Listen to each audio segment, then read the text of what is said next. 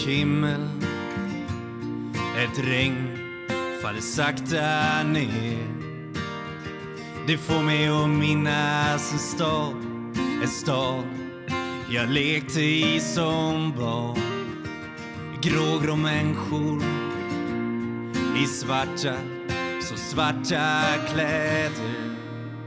Men jag minns sorglösa dag, ett vackert minne som alltid finns kvar.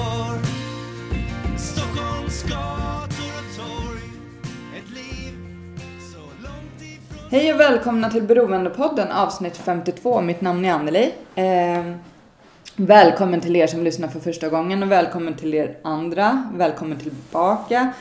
Det är jättekul att se. Det trillar in nya lyssnare varje dag, varje dygn. Eh, det är jätte, jättekul. Fortsätt sprida podden på sociala medier, Instagram och Facebook. Jag finns ju lite överallt eh, så att fler hittar till podden.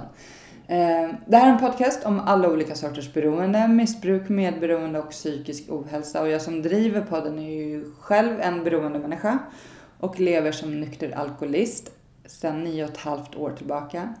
Alkohol är min huvuddrog, eller var. Jag behöver ju inte använda alkohol längre. Vill man eh, veta mer om mig kan man lyssna på avsnitt 1. Där drar jag den korta och snygga versionen av mitt liv. Tack för alla era mejl, verkligen. Jag får mejl varje vecka, varje dag.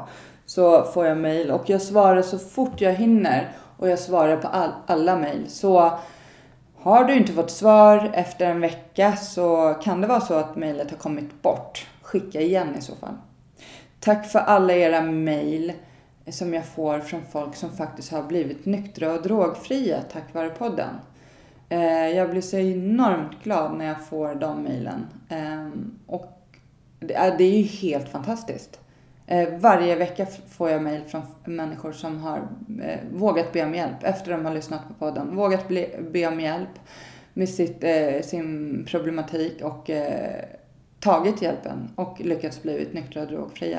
Det är helt fantastiskt, för det är ju faktiskt syftet med podden, är att hjälpa andra. Eh, och nu behöver jag er hjälp för att kunna fortsätta med podden. Jag har drivit den i två år. Eh, jag har eh, runt 200 000 lyssningar. Och i varje avsnitt så säger jag ju alltid att man kan stötta podden eh, genom olika sätt. Och det kan man göra genom att gå in på hemsidan, beroendepodden.com. Och på hemsidan så står det hur man gör. Men nu ber jag verkligen om er hjälp. Jag behöver er hjälp för att kunna fortsätta hjälpa andra människor. För att kunna fortsätta ha podden. Eh, av 200 000 lyssningar så är det tre som har skänkt en gåva. Eh, och eh, som sagt, för att kunna fortsätta hjälpa andra människor, för att kunna fortsätta driva podden behöver jag er hjälp. Eh, gå in på hemsidan bero- beroendepodden.com, eh, skänk en gåva.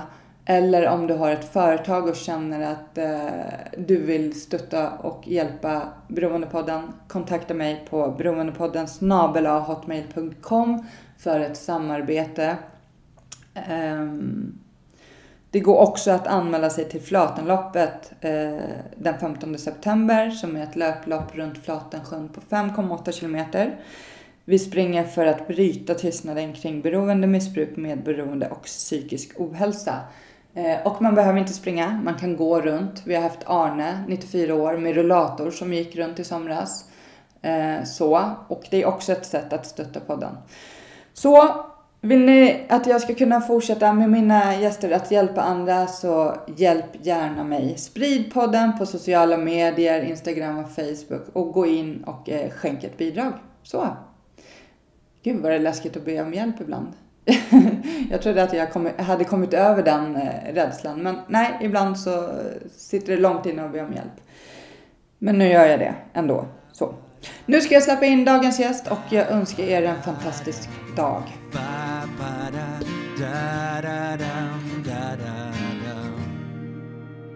En dyster T-baneperrong Ett liv inrutat i betong Stäng ut det andra med musik Fokusera allt på att bli rik Här finns en dyster atmosfär Ett liv Ja, hej och välkommen till Beroendepodden Peter de Nergård.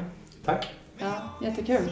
Du har ju varit med i min andra podd också, Svimran-podden. Ja, Ja, och då kände jag bara så här, efter du var med i den så kände jag så här, men du måste ju vara med i Beroendepodden också. Eh, och nu har ju inte du en beroendeproblematik. Men eh, Beroendepodden är ändå en väldigt bred podd som eh, vi pratar om beroende, missbruk, medberoende och psykisk ohälsa och allt vad det innebär. Och eh, diagnoser. Mm. Och det är väl lite det vi ska prata om idag. För vi ska prata om, du ska få berätta om dig Mm. eh, och om ADHD. ja. Så. Eh, och jag kan inte säga jätte, jättemycket om ADHD förutom att jag vet att typ alla mina kompisar har det i princip. Som så här. så det, det är ju någonting alla pratar om men jag personligen har det inte själv så det ska bli jätteintressant att få höra dig berätta Mm. lite. Så ska vi börja med att eh, du får berätta om vem du är, vart, ja. vart du kommer ifrån. Eh, Peter Peppe, eh, 46 nu, ganska nydiagnostiserad. Fick min ADHD-diagnos för två år sedan lite drygt. Mm. Eh, har väl vetat om att är ADHD jag har ganska länge. Eh, jag är fritidsledare och behandlingsassistent och gymnasielärare så jag har befunnit mig i miljöer och utbildat mig inom min egen problematik så att säga. Jobbat med primärt pojkar men även flickor med, med diagnoser. Mm. Och eh, har väl känt att det är det jag har också. Eh, det som gjorde att jag valde att ta steget och försöka få, få en diagnos nu var att jag hamnade i en ny livssituation där det helt enkelt tog stopp. Jag flyttade tillbaka till min gamla hemstad. Eh, jag blev sambo för första gången på 12 år eller något liknande. Och eh, nytt jobb. Så det blev väldigt mycket saker i mitt liv som blev inga negativa förändringar men, men förändringar som jag inte riktigt redde ut helt enkelt. Mm. Och eh, det tog stopp bara en, en dag och jag kände att jag måste göra någonting åt det här. Så att jag började gå i samtal och, eh, på vårdcentralen. Mm. Och eh, den terapeuten jag pratade med hade jag superstor hjälp av och han sa ganska tidigt att jag tror också att det är det du har. Men jag kan inte diagnostisera dig. Ja, men jag skickade en remiss till vuxenpsyk och eh, jag gick dit och min uppfattning av det var att jag var ett solklart fall. Så där det gick. Jag hade två intervjutillfällen då jag eh, blev intervjuad om hur jag fungerade och vad som var jobbigt och hur min barndom och ungdom hade sett ut. Och hon sa direkt att det här går vi vidare med så hon bokade en ny tid direkt. Mm. Och eh, jag, skulle, jag skulle då skriftligen eh, skriva ner och även min familj då, i detta fallet min bror, Mm. fick hjälpa mig med att eh, skatta hur jag var som barn och ungdom. Då. Och det var samma sak där, att hon tittade på två papper kändes det som och sa att det här går vi vidare med. Och sen så gjorde jag ett antal tester och det är nog kanske det jobbigaste jag har gjort i hela mitt liv. Jag har aldrig varit så trött i hela mitt liv. Vad är det för tester? Ehm, ja, de, de- utgår, det är flera olika eh, delar i det. Men, men om du tänker att du någon gång har gjort högskoleprovet. Mm. Ja, det har jag inte gjort. Men... Nej, inte jag heller. Men, men, men, och sen så går det liksom ut på att du ska testa eh, dina gränser. Vart dina begränsningar sitter. Så att du får göra, du blir liksom, du klarar aldrig någonting. Ja. Du får eh, nya frågor. Svarar du rätt på en får du en till. Svarar du fel på den, då får du en till. Mhm. Svarar du fel på två, då har du liksom nått ditt max, De stegrar i svårighetsgrad. också. Så man slutar liksom aldrig med att man är nöjd. Det blir, man slutar alltid med att ett misslyckande. Man håller på tills man slutar. Då. Och eh, de var väldigt intensiva och långa och de går ju som sagt ut på att jag ska ta reda på, eller de- ska ta reda på vart mina gränser går. Det var väldigt, väldigt tufft var det. Eh, Sista testet jag gjorde då, då var jag så trött i huvudet och hade som frossa när jag åkte därifrån så jag höll på att cykla omkull på vägen hem för att jag kunde knappt inte hålla i cykelstyret. Det var väldigt, väldigt tufft var det. Men, men eh, det var också ett ganska solklart fall. Hon sa också ganska snabbt att det känns ganska så uppenbart att det är ADHD du har. Men eh, på grund av rättssäkerhet och så vidare så måste det gå igenom ett läkarlag för att, så att inte hon bara tycker utan flera läkare ska besikta protokollen. Och eh, jag fick min diagnos ganska snabbt. Och eh, förslag om medicinering. Mm. Eh, där var jag lite tveksam till. Det tog lite tid innan jag bestämde mig för att jag ville i alla fall testa. Mm. Och hur var det då när, och med medicinering, vad hände? Hur, alltså, eller egentligen vill jag ju veta så här, hur, hur, hur det har varit för dig. Liksom. Så, Alltså problematiken om man nu väljer att kalla den för det eller så, den har ju funnits alltid. ja. Jag hade sele i barnvagnen för desmet och sådär. Jag har alltid varit eh, väldigt intensiv i saker jag gör. Väldigt, det är full fart på allt liksom. Och eh, när jag var liten så, så fanns det liksom inte så mycket och fanns inga, inga hjälpmedel att tala om och mina föräldrar visste ingenting om det heller. Mm. Ehm, småskolan gick bra, ettan till trean, för då var det mycket fruktsallad och måla med fingrarna och sånt där. Det gillar jag, det är kul. Men sen så blev det mer kateder, katederundervisning i, i fyran. Och där började väl problemen ganska omgående, i stort sett från dag ett i skolan så blev det problematiskt. Och de hade heller inga verktyg. Min dåvarande lärare hade inga som helst verktyg för hur man skulle hantera mig. Mm. Var det då att du inte kunde sitta still eller koncentrera Ja. dig? Och, ja.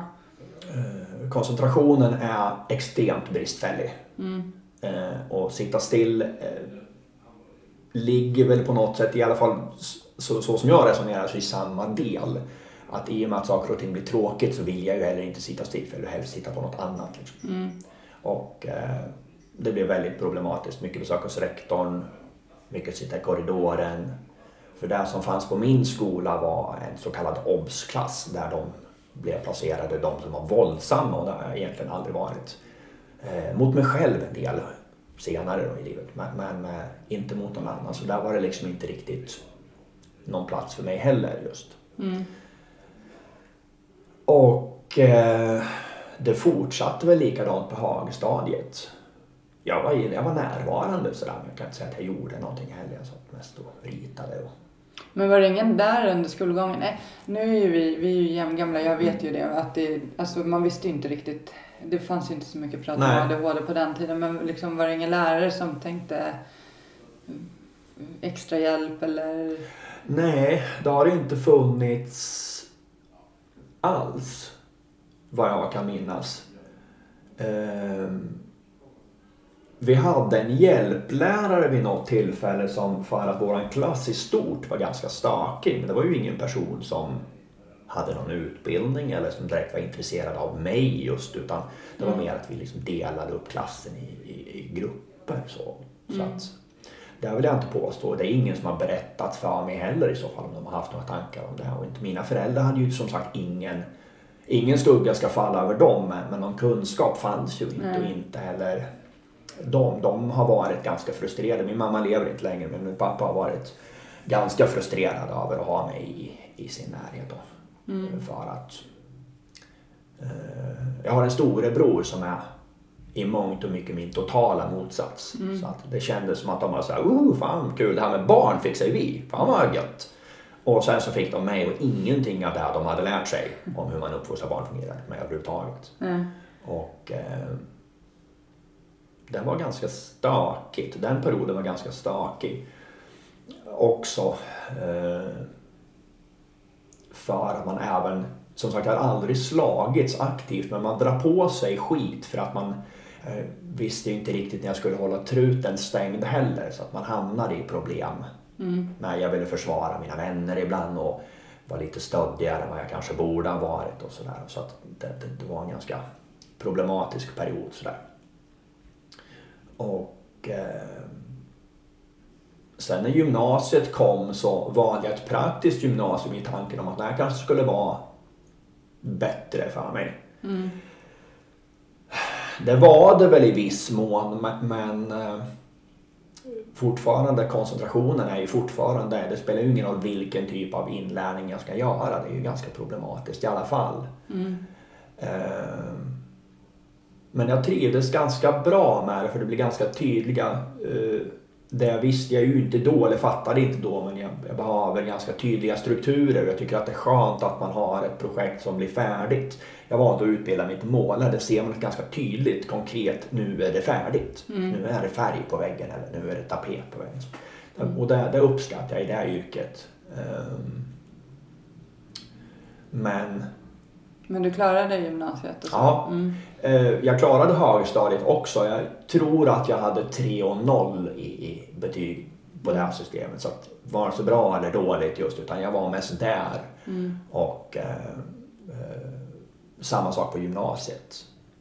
Då vi gick två, det var ju tvåårigt gymnasium och eh, jag hade gjorde väldigt bra från mig i de praktiska ämnena men fortfarande skolämnena var, alltså, vad hade vi matte, nej, engelska, svenska och samhällskunskap och gymnastik eller någonting sånt där.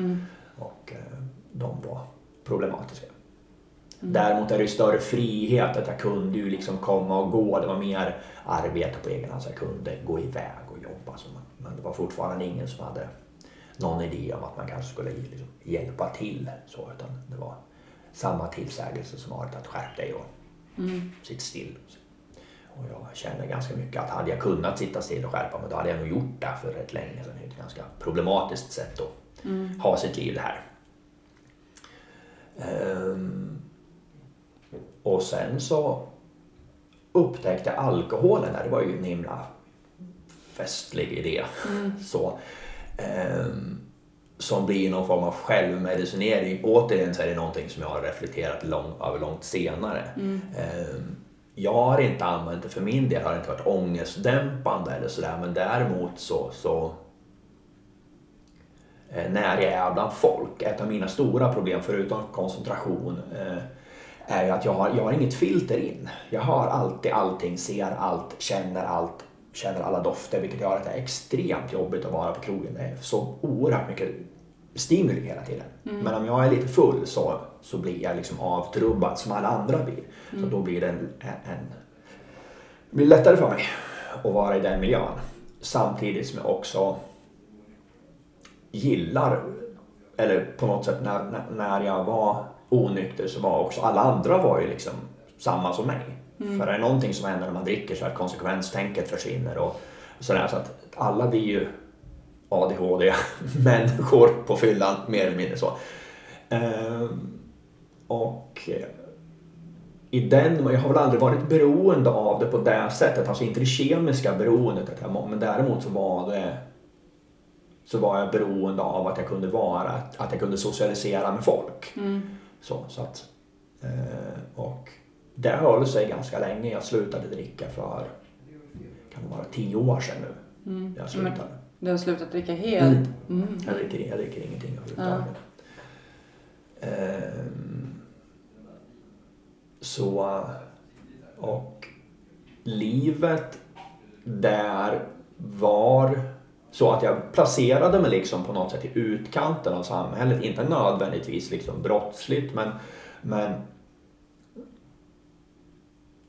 höll mig liksom i, i utkanten av att jag hängde med skatare, så klättrare, vi var lite i utkant, li, lite av en grupp för oss själva sådär. Där liksom mina dumheter på något sätt uppskattades. Att de tyckte att det är skitmäktigt att jag hoppar från en 25 meter hög bro, det är ju coolt liksom. Medan i många andra situationer kanske det inte alls uppskattas.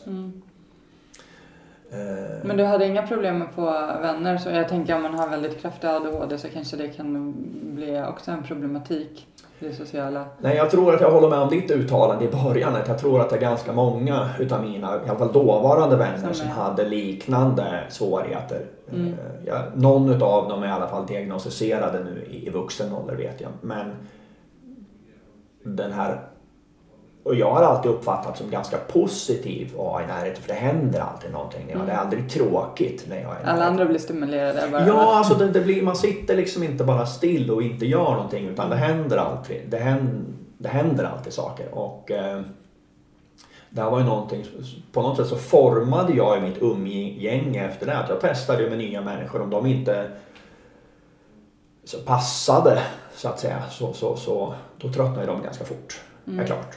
På att jag är ganska speciell. Så. Det var väl likadant innan. Jag försökte väl som alla andra. Jag uppväxt i en ganska liten stad och det i stort sett var hockey och fotboll som, som var sporten man kunde hålla på med. De organiserade sporterna. Och det var ju aldrig min grej. Jag, jag ville ju jättegärna också ha en uniform med mitt namn på och så hänga med människor som tyckte likadant. Men det, det funkade aldrig för att eh, koncentrationen är ju precis lika dålig om det gäller fotboll eller, eh, eller om det gäller liksom, läxläsning. Så, så, så att jag kunde ju inte koncentrera mig på det. Eller svårt att prestera på rätt tider och sådär. Och hade, kunde komma på saker mitt under match. Att det här är mycket, mycket roligare. Sen avbröt jag liksom pågående match för att göra andra saker. Vilket inte är så bra. Eh, Så att jag testade på något sätt olika grupper tills den här gruppen som jag var i i någon mån mina gelikar som var, vi hade samma intressen och samma bre- Ja, jag har väl alltid haft en brist på, på eh, att saker, något dåligt ska kunna hända mig. Inte, jag, har, jag är, är i grunden ganska destruktiv eh, och det baserar sig att jag, jag, jag bryr mig inte så jättemycket om saker och ting går sönder på mig eller inte. Det spelar mer, jag har inte aktivt sökt det nödvändigtvis men jag har, aldrig, jag har aldrig brytt mig om det heller. Jag har aldrig varit rädd för vare sig skador eller för döden nödvändigtvis heller. Det har jag blivit nu. Jag har varit rädd två gånger på tre år. En värdelös känsla. Jag hatar det. Jag kan inte fatta hur folk klarar av det. Och jag har liksom jag har uppfattat det nu att det, ja, det är ju superläskigt. Men det har jag aldrig haft under min, under min eh, uppväxt alls. Jag har inte reagerat på det här. Jag har gjort så mycket dumma saker hela tiden. Jag har ramlat ut från fjärde våningen. Ramlat av en bil i 50 kilometer för att jag tyckte att jag skulle testa om jag kunde ligga på taket sådär som de gör på film. Och, och Ja, du är väldigt impulsiv. Ja. Av, eh, Jag har inget vidare konsekvenstänk heller just att, att det här känns jättekul, det testar vi. mm, Och sen så eh, har det liksom inte riktigt slagit mig att det här kanske inte var så bra. Det här kanske kan sluta då. Hur ramlar man ut från fjärde våningen? Man eh, har misskött sig lite grann hemma och sen så har man fått utegångsförbud av mamman. Och sen så har de byggställningar utanför så då tyckte jag att smita till min bästa kompis på kvällen en sommarkväll var en fantastisk idé. Eh, vi bodde i ett hyreshus och trapporna till fasaden, den renoverade fasaden de fanns i, i varsitt ända av huset och vi bodde i stort sett i mitten. Så jag tänkte att snabbaste vägen ner är ju rakt ner här. och slänger mig lite smidigt över räcket sådär och upptäcker att det är ju daggvått och jag har Converse på mig. Och det blir precis så dåligt som man skulle kunna tänka sig så jag ramlar rakt ner från fjärde våningen. Hur gick det då? Ja, det gick fantastiskt. för Jag landade på lite byggmaterial där nere. Som på en sån stor bar med typ Rockwool eller vad det heter. Sånt. Fiberull. Och rullade lite snyggt av den och landade på, på axeln och nacken på ett brunnslock. Så jag fick lite ont i axeln och lite ont i nacken. Men annars ingenting. Ah, och så har liksom, det har också på något sätt närt den här idén om att det är ingen idé att stressa upp sig för att som sagt, det händer ändå ingenting. Ja, som sagt, jag ramlade av en bil på, när vi var på Mantorp park i 50 och springer två steg och snubblar ut på gräset och blir lite skrapsår efter. Jag ramlade av bilen i 50 cirka. Och eh, jag har krockat med mopeder och skateboards och cyklar och men jag måste fråga, för du eh, har ju inte druckit på tio år. Vad, vad var det som fick dig att inte vilja dricka mer? Var det att det... För du använde alkoholen eh, lite för att kunna socialisera sig och så. Ja, eh, egentligen så, så, så hade jag väl börjat liksom reflektera över om det här verkligen var något vettigt sätt att, att, att leva mitt liv. Jag tränade ganska mycket redan då och tyckte väl att det kändes ganska meningslöst att sköta sig med kost och träning fram till lördag eftermiddag för att sen så strunta i det fullständigt. Och ehm, då var jag ganska nysjuk. Jag hade, fick ju lite strokes i hjärnan för ett antal år sedan. Och eh, var sjukskriven ett år på heltid och sen började jag arbetspröva och sen efter det så tyckte jag att jag måste göra något med mitt liv så då valde jag att eh, söka in på lärarhögskolan. för att bli yrkeslärare. Så att då läste jag den utbildningen på 50% plus att jag läste eh, filosofi och moralfilosofi på 100% plus att jag jobbade på en fasadfirma i stort sett alla föreläsningsfria dagar. Plus att jag tränade hela tiden. Så jag kände att jag har inte riktigt tid att vara full. Så, Nej. så där var egentligen grundbeslutet. Det var inget medvetet beslut att jag skulle sluta helt utan jag tänkte att jag tar ett uppehåll. För att någonstans så hade jag druckit så att det kändes som det var vardag. Det var där, det var där man, eller alltså så, jag har alltid bara druckit på helgerna sådär men att det var en ganska naturlig idé, det där man gör på helgen. Jag hade liksom inget riktigt substitut för att göra det. Eh, och sen så kom vi fram till nyår och eh, då var den terminen slut och jag kände inte riktigt att vad skönt vad långa helgerna blir. Vad skönt att man faktiskt kan så här, gå och träna på söndagen eller åka på en loppis eller vad man nu vill göra på söndagen utan att bara vara dålig fram till eftermiddagen som jag i regel var. Och eh, gjorde väl något form av försök att vara i krogmiljö i alla fall vilket gör att ja, det är helt bedrövligt. Jag blev jättearg och frustrerad på folk och sen så går jag hem och sen insåg jag att jag mår ju extremt mycket bättre nu. Och eh, Så det var liksom inget som egentligen hände utan du bara Nej. kände att du inte ville slösa Nej, din alltså, tid på... nej precis. Och, och, och tankarna om att det var ett bra beslut kom först efteråt. För att jag hade egentligen inga referenser till hur, på något sätt, det låter konstigt, men alltså hur det kändes att inte vara bakfull i söndag. Där, där var jag. Eh, för att det fanns inte så mycket annat att göra på helgerna kändes det som. Och eh, det är väl först i efterhand jag har reflekterat över vilken enorm skillnad det blir i kvalitet på livet. Efter man är, i och med att det är borta så att säga. Eh, och det är väl ingenting som jag... Och sen att jag valt att sluta dricka helt. Som sagt, jag har aldrig varit beroende på det sättet. Eh, men, men till följd av min diagnos så kontrollerar jag mitt mående ganska mycket med kost och träning. Och eh, då tar jag också bort alkoholen för det är bara tomma kalorier som jag inte riktigt... Jag finner inget intresse i att dricka ett glas vin till maten eller en öl på fredagen. För att, så, det är för mig bara tomma kalorier som jag absolut inte behöver. Och eh, jag håller mig till en eh, låg kolhydratkost. Det är det som fungerar för mig. Ja, för du är väldigt noga med både kosten och träningen Mm. och få till det. Ja. För att du har insett att det betyder väldigt mycket. Ehm, hur, när började du förstå det? Var det och när började du experimentera med mat? Att jag har hållit mig borta från socker, eh, alltså det rent tillsatta sockret såsom godis och läsk och sådär. Det har jag gjort ganska länge men eh, i samband med att jag väntade på min diagnos så började jag läsa vad kan jag göra själv? Vad, vad, kan, jag, vad kan jag göra för att mitt liv ska bli så bra som möjligt efter ett tag? Och då var det där jag kom fram till att det är som, det är det som fungerar bäst i kombination med min träning. Och jag började samma dag som jag fick diagnosen. Så dagen efter så, så hade jag börjat på, mitt, på min nya extremt strikta diet. Och jag har hållit den med några få undantag.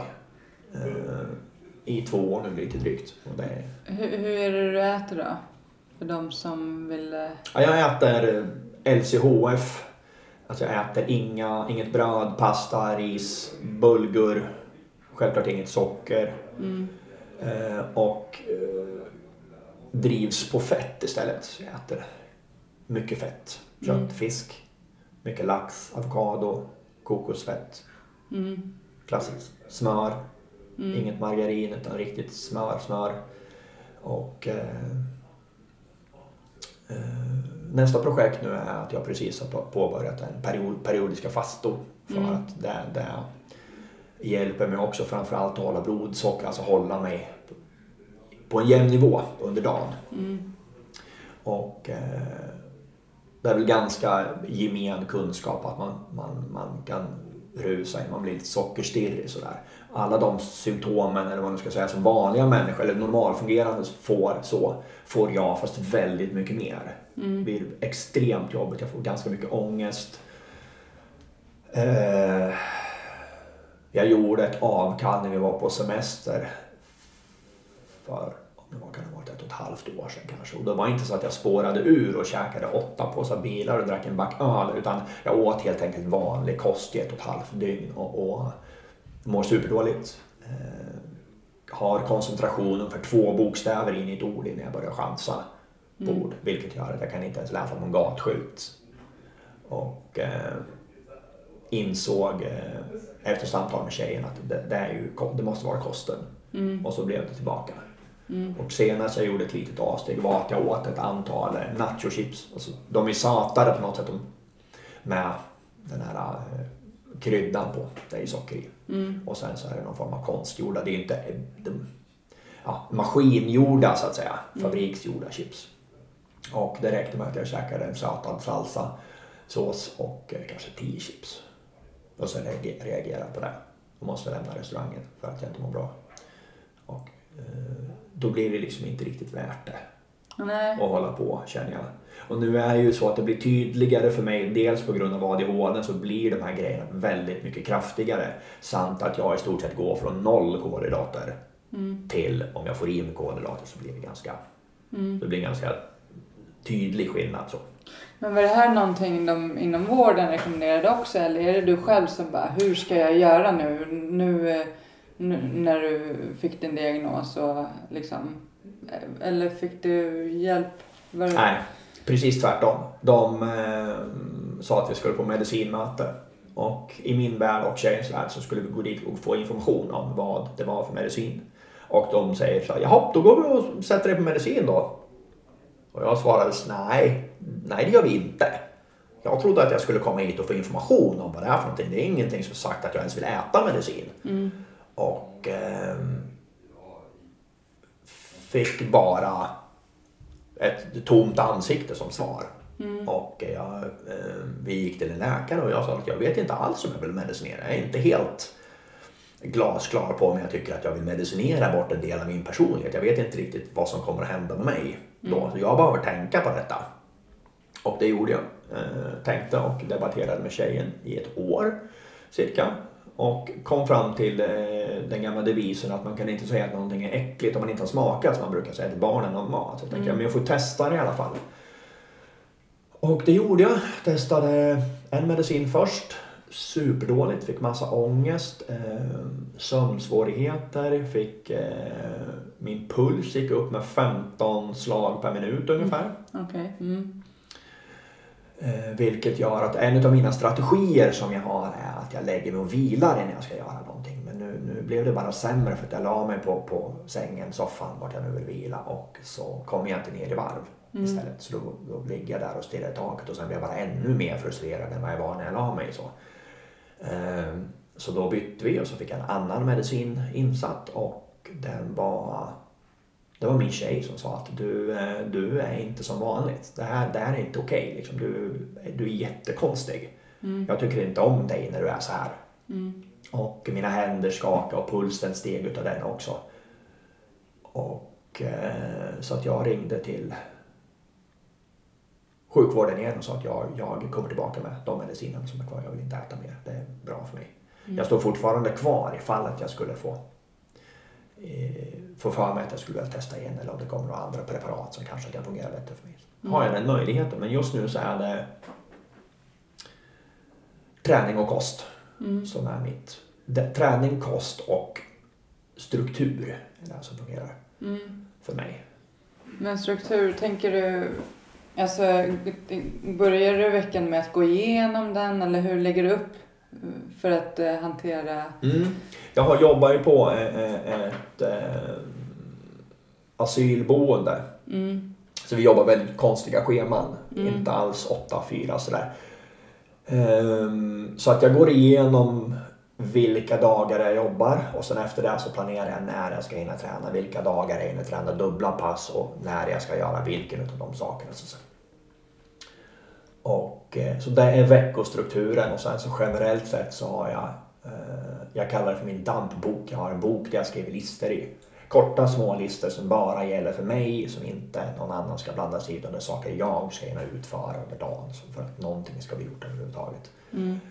Eh, och sen så om vi till exempel ska göra någonting som jag finner jobbigt, alltså till exempel gå på firmafest eller födelsedagskalas eller någonting, då måste jag planera den dagen extra. Jag behöver veta när vi ska åka dit och ungefär hur länge vi ska vara där för att jag ska kunna liksom använda den energin till att klara av hela den perioden. Och sen så, eh, så, måste jag, så tränar jag i regel innan och sen äter jag ordentligt och sen vilar jag och sen så helst ska jag äta lite grann till för ofta så är det bullkalas. Och är jag jättehungrig och nytränad och kommer dit så kommer jag ha svårare att stå emot att äta en bulle och en bulle i det här blir bara jättedåligt för mig. Så. Eh, och sen så, eh, alla i min familj och de flesta i min omgivning vet vilka svårigheter jag har så att vi brukar komma dit och sen så brukar vi åka hem ganska efter ett par timmar. Så där. Men det krävs väldigt mycket planering Mm. och struktur liksom. Mm. För att, vad är det om, om man... Om någonting ändras då, hur blir det då? Ofta total, går allting totalt i baklås.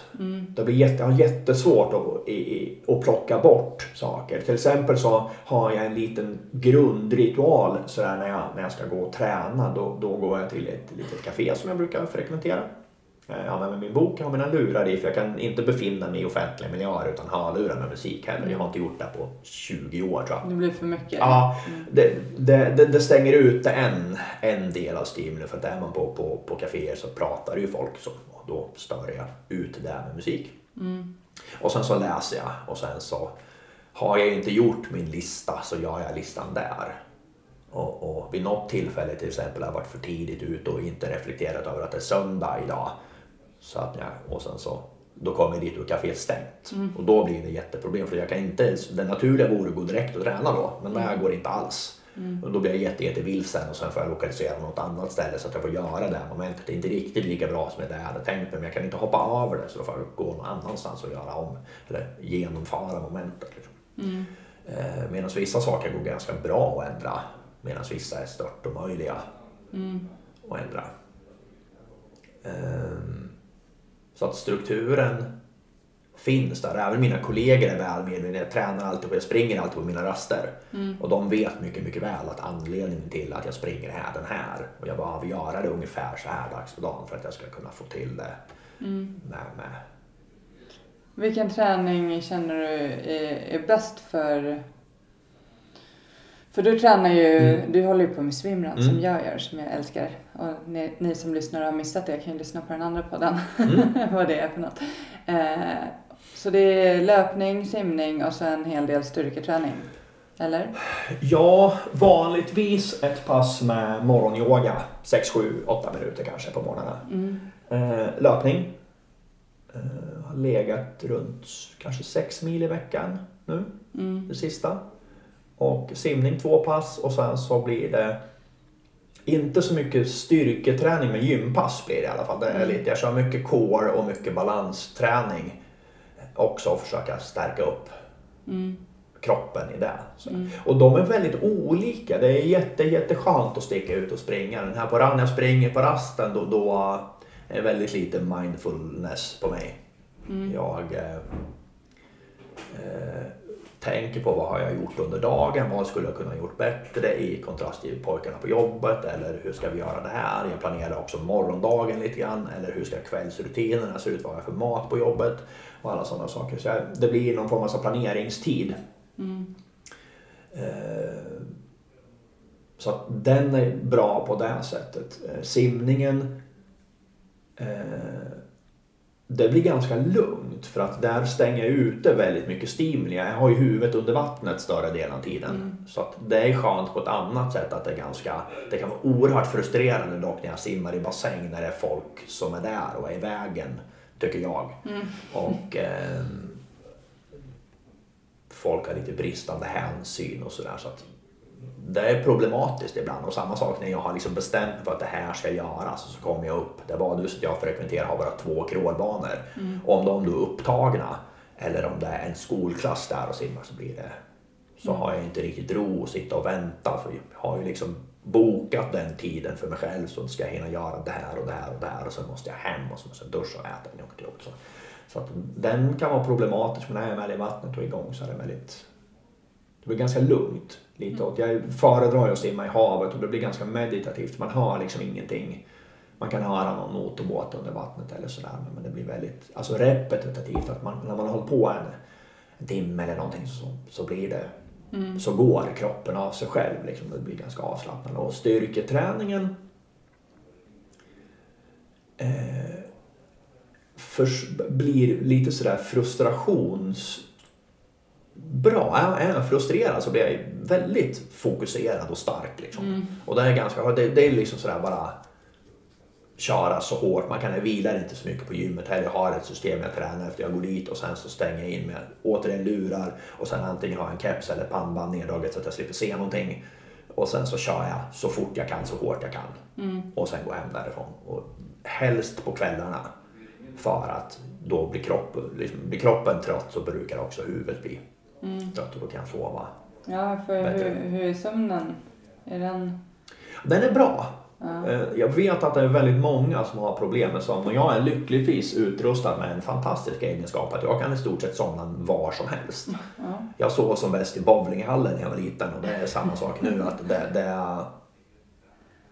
Jag har en väldigt låg vilopuls så att jag har någon form av egen helt ovetenskaplig teori om att det är, det är min, min kropps sätt att hjälpa till och lugna ner hjärnan. Att när jag väl går ner i någon form av vilotillstånd då, då har inte då somnar jag. jag har 40, senast jag mätte så hade jag 42 i vilopuls. Så fort jag går ner i puls så, så verkar det andra hänga med. Eh, dock är det så att jag kan inte gå och lägga mig om jag är nervös för någonting dagen efter eller om jag är orolig över någonting. Då måste jag liksom lösa det på kvällen för annars blir det inte så mycket sova.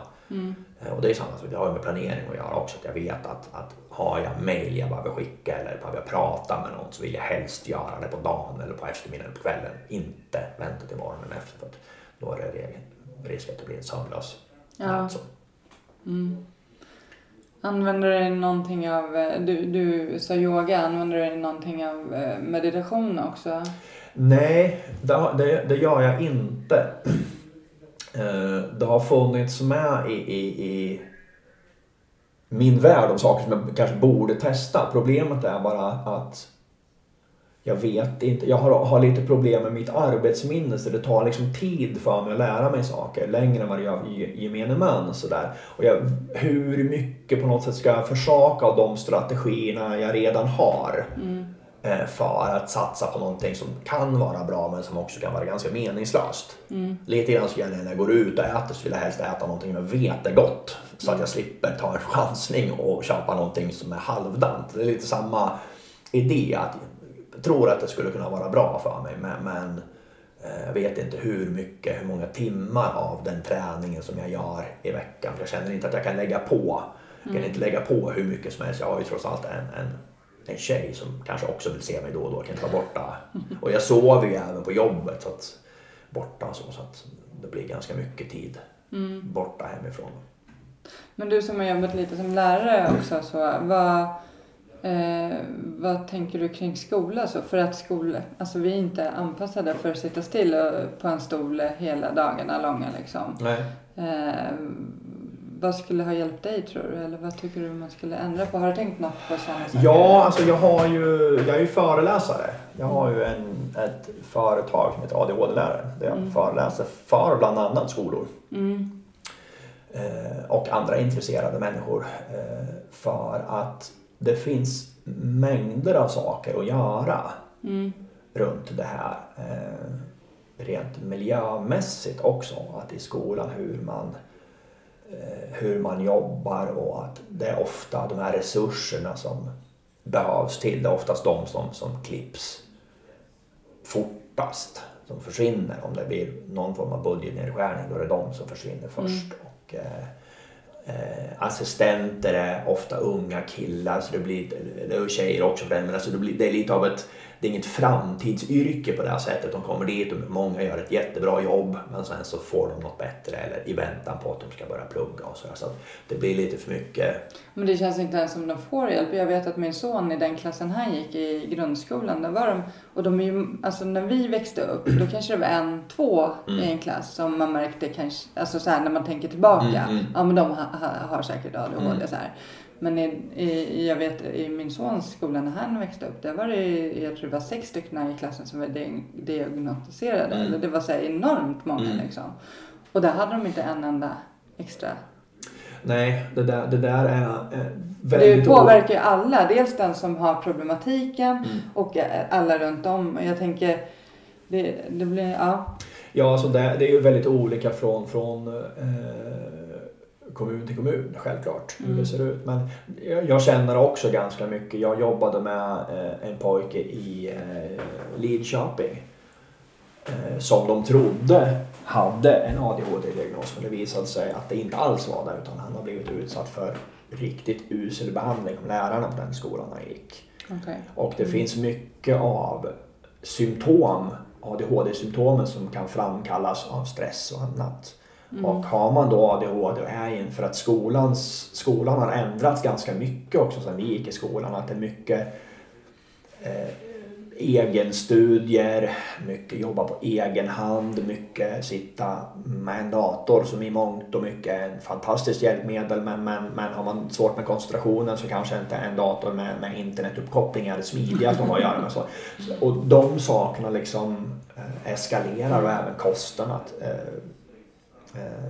energidrycker var ju ingenting som fanns när vi växte upp. Då fick man ju, om man hade tur så fick man en halv 33 centiliters sockerdricka på, på julafton. Ah. Inte att man kunde köpa hinkvis med, med så, supersockrad läsk och eh, alla energidrycker som absolut inte gör någonting för en heller Nej, om man har den här typen av svårigheter.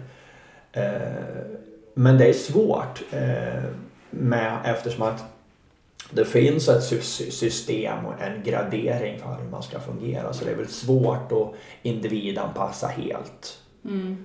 Eh, Men till exempel så borde man ju sätta, lägga in mer rörelse i skolan. Bara en sån sak. Starta Det- förmiddag med rörelse, Mm. kanske lite meditation. Mm. Mm. och sen ändra även skolmaten. Mm. Jag, jag jobbade ju på förskola i köket i många år. Och där försökte jag tänka liksom mycket kring maten. För att jag vet hur det påverkar Mm. också. Liksom. Men eh, vad kan man mer göra? Ja men de sakerna som du säger är nog ganska bra och sen att man har eh, man måste, föräldrarna har ju också ett ganska stort ansvar och lärarna och även eleverna. Mm. Det är någonting som jag pratar en hel del om i mina föreläsningar. Alltså mitt ansvar som jag tar för mig själv. Förstår att man inte kan göra det när man är barn. Det är inte det jag menar. Då måste man ha en förälder som är påläst, som är aktiv. Som inte tycker att eh, en energidryck till frukost är en bra idé. Eller eh, så. Så att det finns ganska mycket inom ansvar som man kan göra också. Många som jag som sagt fick ju min diagnos väldigt sent. Mm. Och det är jag i mångt och mycket glad för. Det har ju självklart varit problematiskt, det är problematiskt för mig på en daglig basis och det har varit under mitt liv också. För jag har inte förstått och framförallt har min omgivning inte förstått varför jag... Men har inte, när började du förstå, alltså tänka att ja, men jag har säkert ADHD? Ja, det var länge sedan. Det Ja. måste ha varit 95 kanske. Mm. Då jag började notera att, att de här sakerna som jag tyckte var roliga att ha att göra med, som jag tyckte var spännande. Folk började liksom växa ifrån det medan jag fortfarande inte hade några tankar om, om konsekvenser och sådär. Och då började jag reflektera. Det var då jag eh, började jobba i en så kallad liten grupp också. Att jag kom i kontakt med den här eh, typen av elever. Uttalade diagnostiserade elever första gången. Mm. Och eh, började, vi gick ju på internutbildningar genom kommunen och sen så fick man, jag kommer ihåg att vi fick en lista med ett antal punkter som man skulle säga, ja, du har- om du uppfyller alla detta, så, alla dessa så har du säkert av. Det, det hette ju DAMP på den tiden. Mm. så här, Check, check. Jaha, så man säger, ja okej, men det var ju nio av nio, det var ju spännande. Så. Ehm, den, jag kommer ihåg att den enda det var prat om att man skulle ha känslig hud. Att, man, har- att, man, att väldigt många har problem med, med viss typer av kläder och sådär. Och det är egentligen Ja, det. enda som Mm, inte... Att man inte... Ja.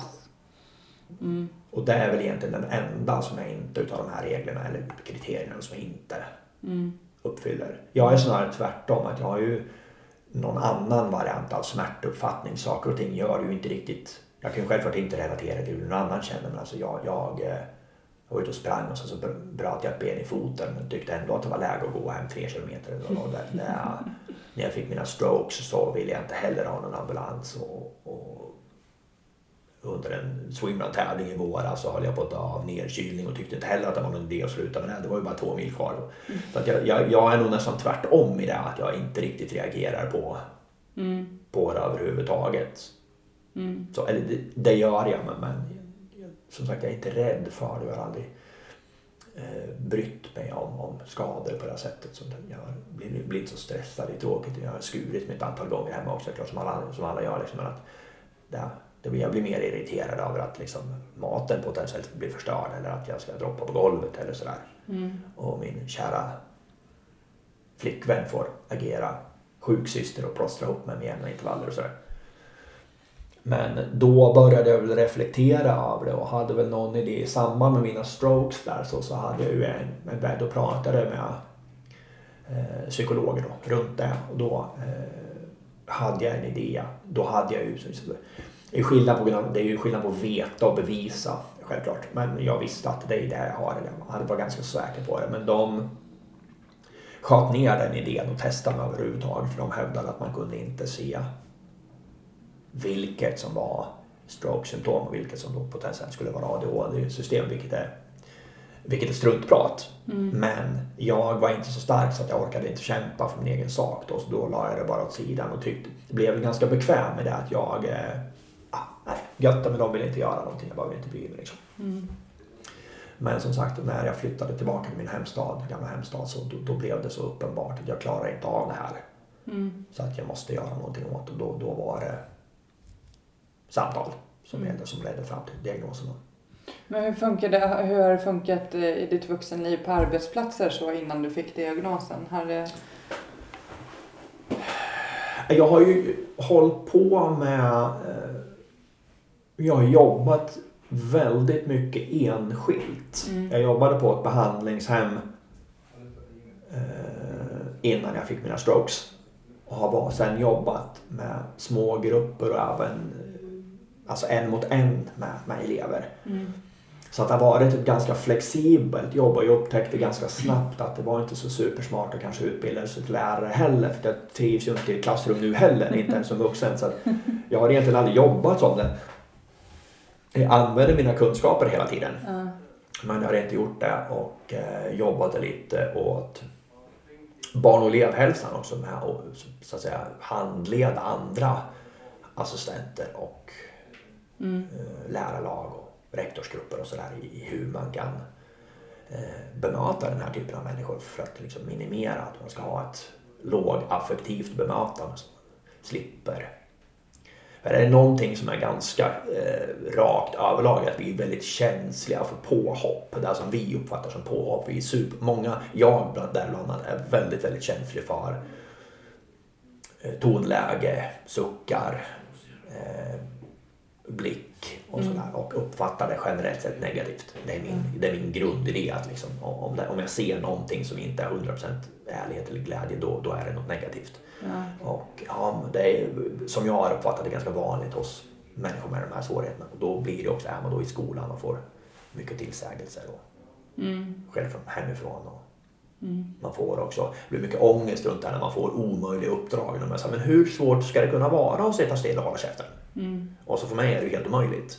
Men jag ser också människor som gör det hela tiden och jag bara misslyckas. Lektion efter lektion efter år efter år efter år. Så, eh, Ja, så jag det- tror, Är det, det är väl otroligt vanligt att kanske känna sig misslyckad Mm. fastän man absolut inte är det. Men i dagens, Mm. ja, så som det ser Mm. ut i skolklasser och på, Mm.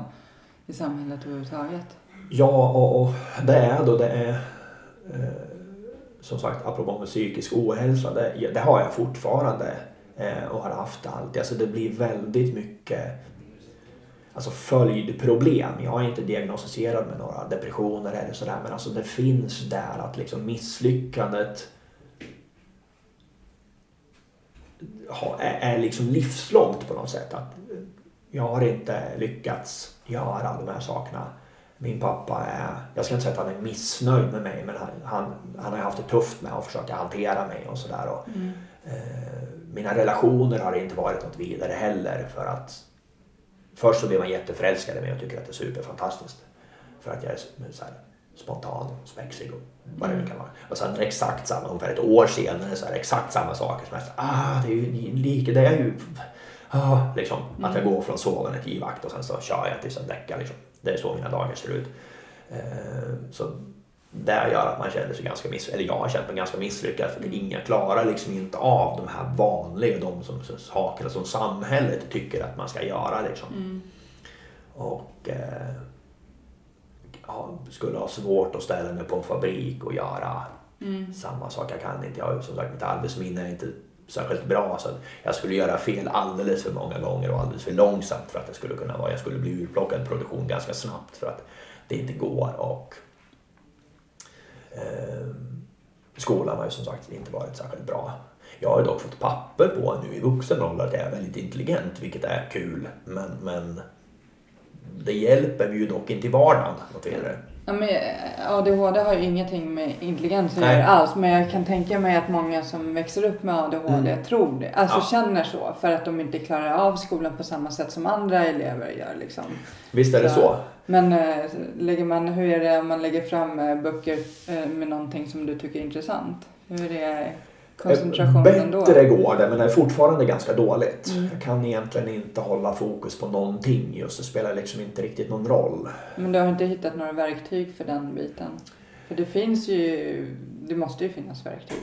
Jag fick massa tips i vuxen ålder hur man kunde studera. Jag bara, finns det studeringstips? Ja, nej. Eh, när jag läste till lärare så tror jag att jag kanske läste 80 sidor. Eller någonting på de här terminerna jag gick.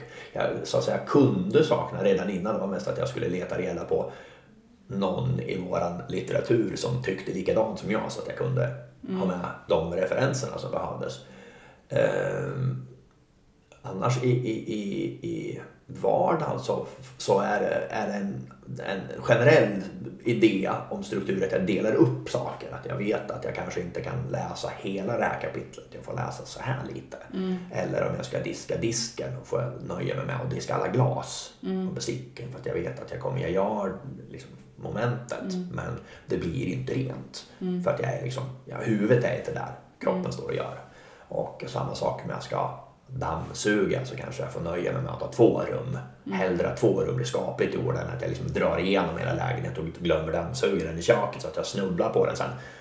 Och det är väl samma sak med läsningen att man får försöka att läsa i intervaller. Läsa, skriva, läsa, skriva. Så det funkar för mig en del.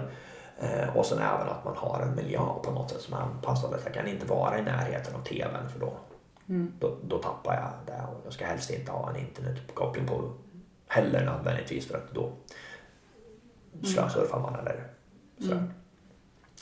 Eh, Men inom skolan så finns det ju en del eh, verksamma saker. Att man, och det är ju framförallt det, är det som är så svårt för att eh, bara för att man har ADHD-symptom så är man ju liksom inte likadan. Det är inte två personer som är likadana. Jag brukar försöka göra den beskrivningen att en parfym, den består av ett antal beståndsdelar som skapar en lukt. Men om du sprayar den på dig själv, då kommer den inte att lukta på samma sätt som den gör när den luktar på mig. För du sätter din, dina naturliga dofter till. Och så ungefär fungerar det, anser jag, med, med ADHD också. Att man har eh, eh, ett batteri med symptom. Men eh, beroende på uppväxt har du fått mycket struktur i uppväxten? Har du fått hjälp med, med att sätta gränserna? Eh, då kanske det går bättre. Har du fått supermycket läxhjälp hemma så blir det kanske annorlunda. Det finns mycket saker som kan påverka att man reagerar olika mycket på symptomen. Så, så det är svårt att säga några eh, generella idéer som ska finnas utan man måste på något sätt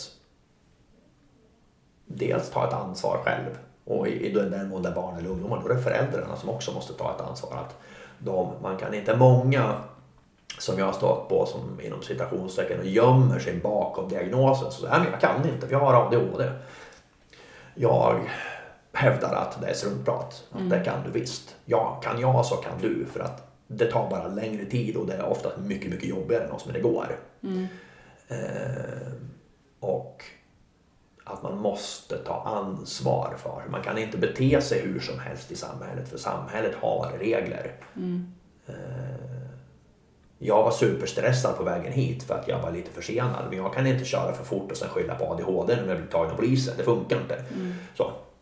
Utan det, är mitt, det är mitt ansvar att fortfarande göra det som samhället förväntas, eller förväntar av mig. Eh, och det är jobbigt. Den, den lätta vägen kanske hade varit att medicinera. Inte lägga flera timmar av matplanering på en dag och, och 10-11 timmar träning i veckan. Det kanske, sagt, men det är, jag, det, är någonting, det är någonting som jag gör som jag tycker är bra för jag känner också att jag har kontroll över mitt liv. Jag stoppar inte i mig någonting som jag inte riktigt vet vad det är som då ska potentiellt hjälpa till utan det är jag som gör mina förbättringar. Det är jag som så att säga styr över mitt liv och ansvaret är där ligger svårigheten tänker jag runt medicinering. Jag förstår varför man medicinerar, varför man vill medicinera sin, sina barn. För att skolans eh, miljö är inte bra. Väldigt ofta där det blir stora problem.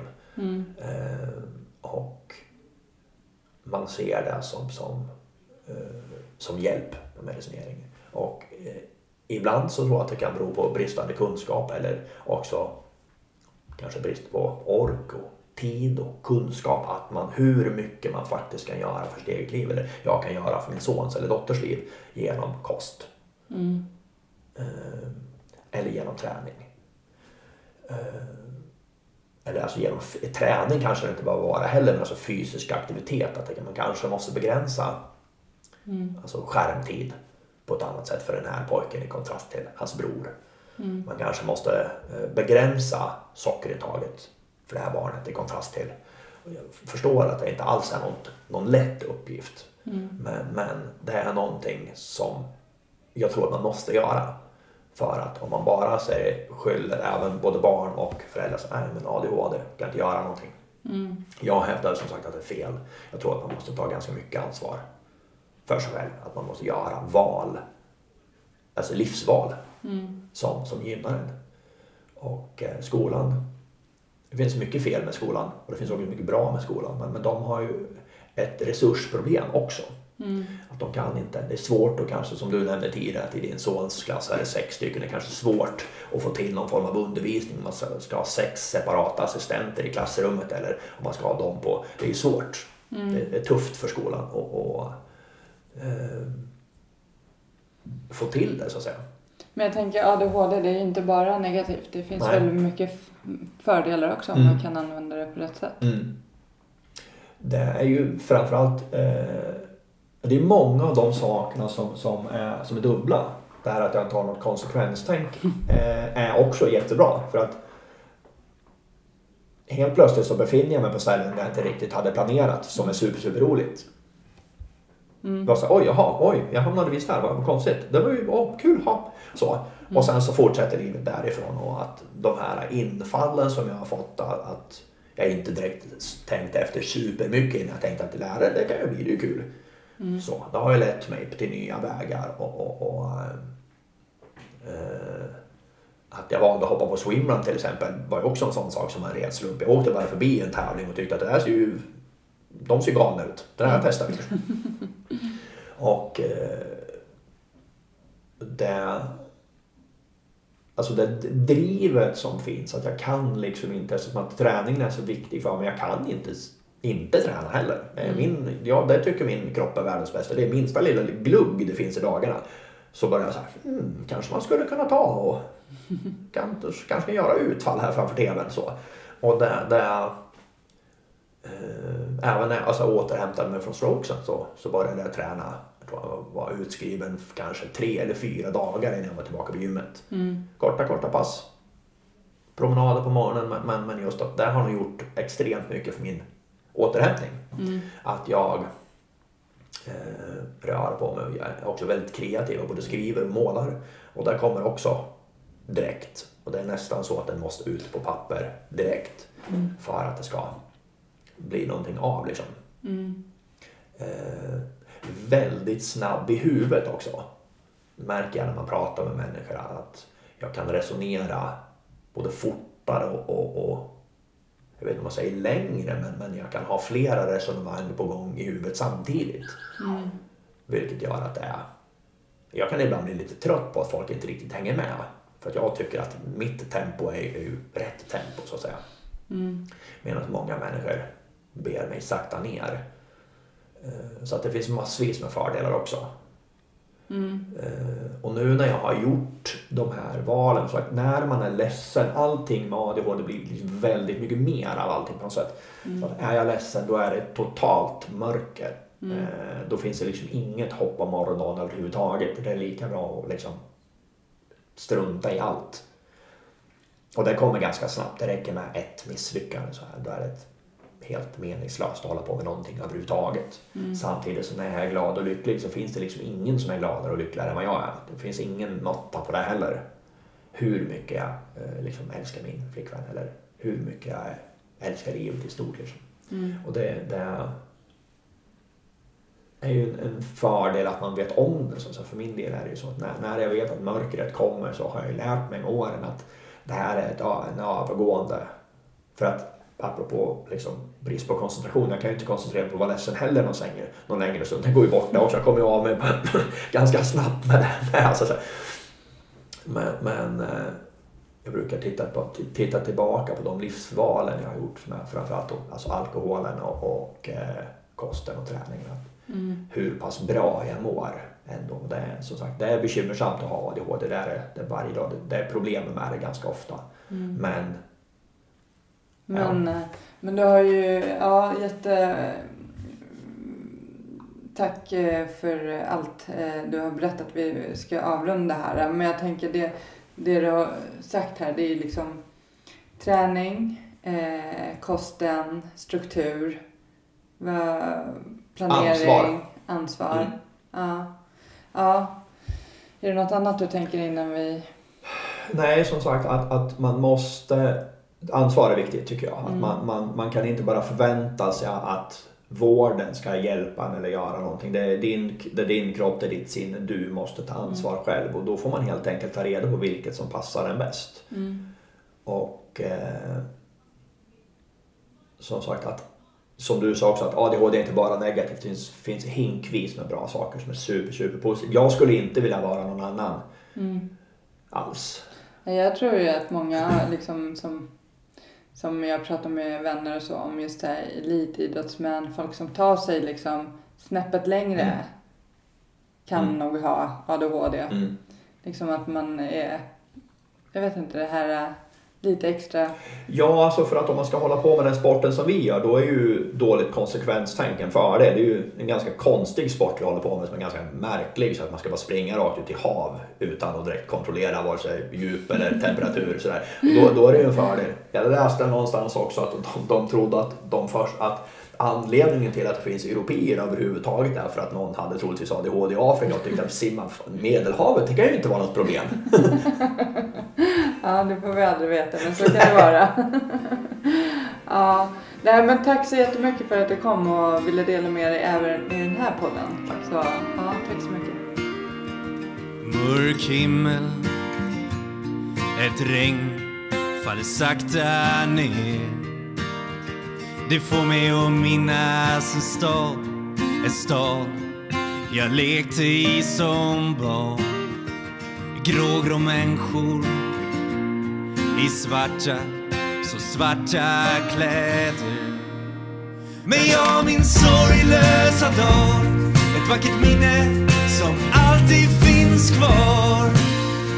Stockholms gator och torg Ett liv sorg ba, ba, da, da, ba, ba da da ba ba da da da da da da da ba ba da da ba ba da da ba ba da da da da da dam En dyster T-baneperrong Ett liv inrutat i betong.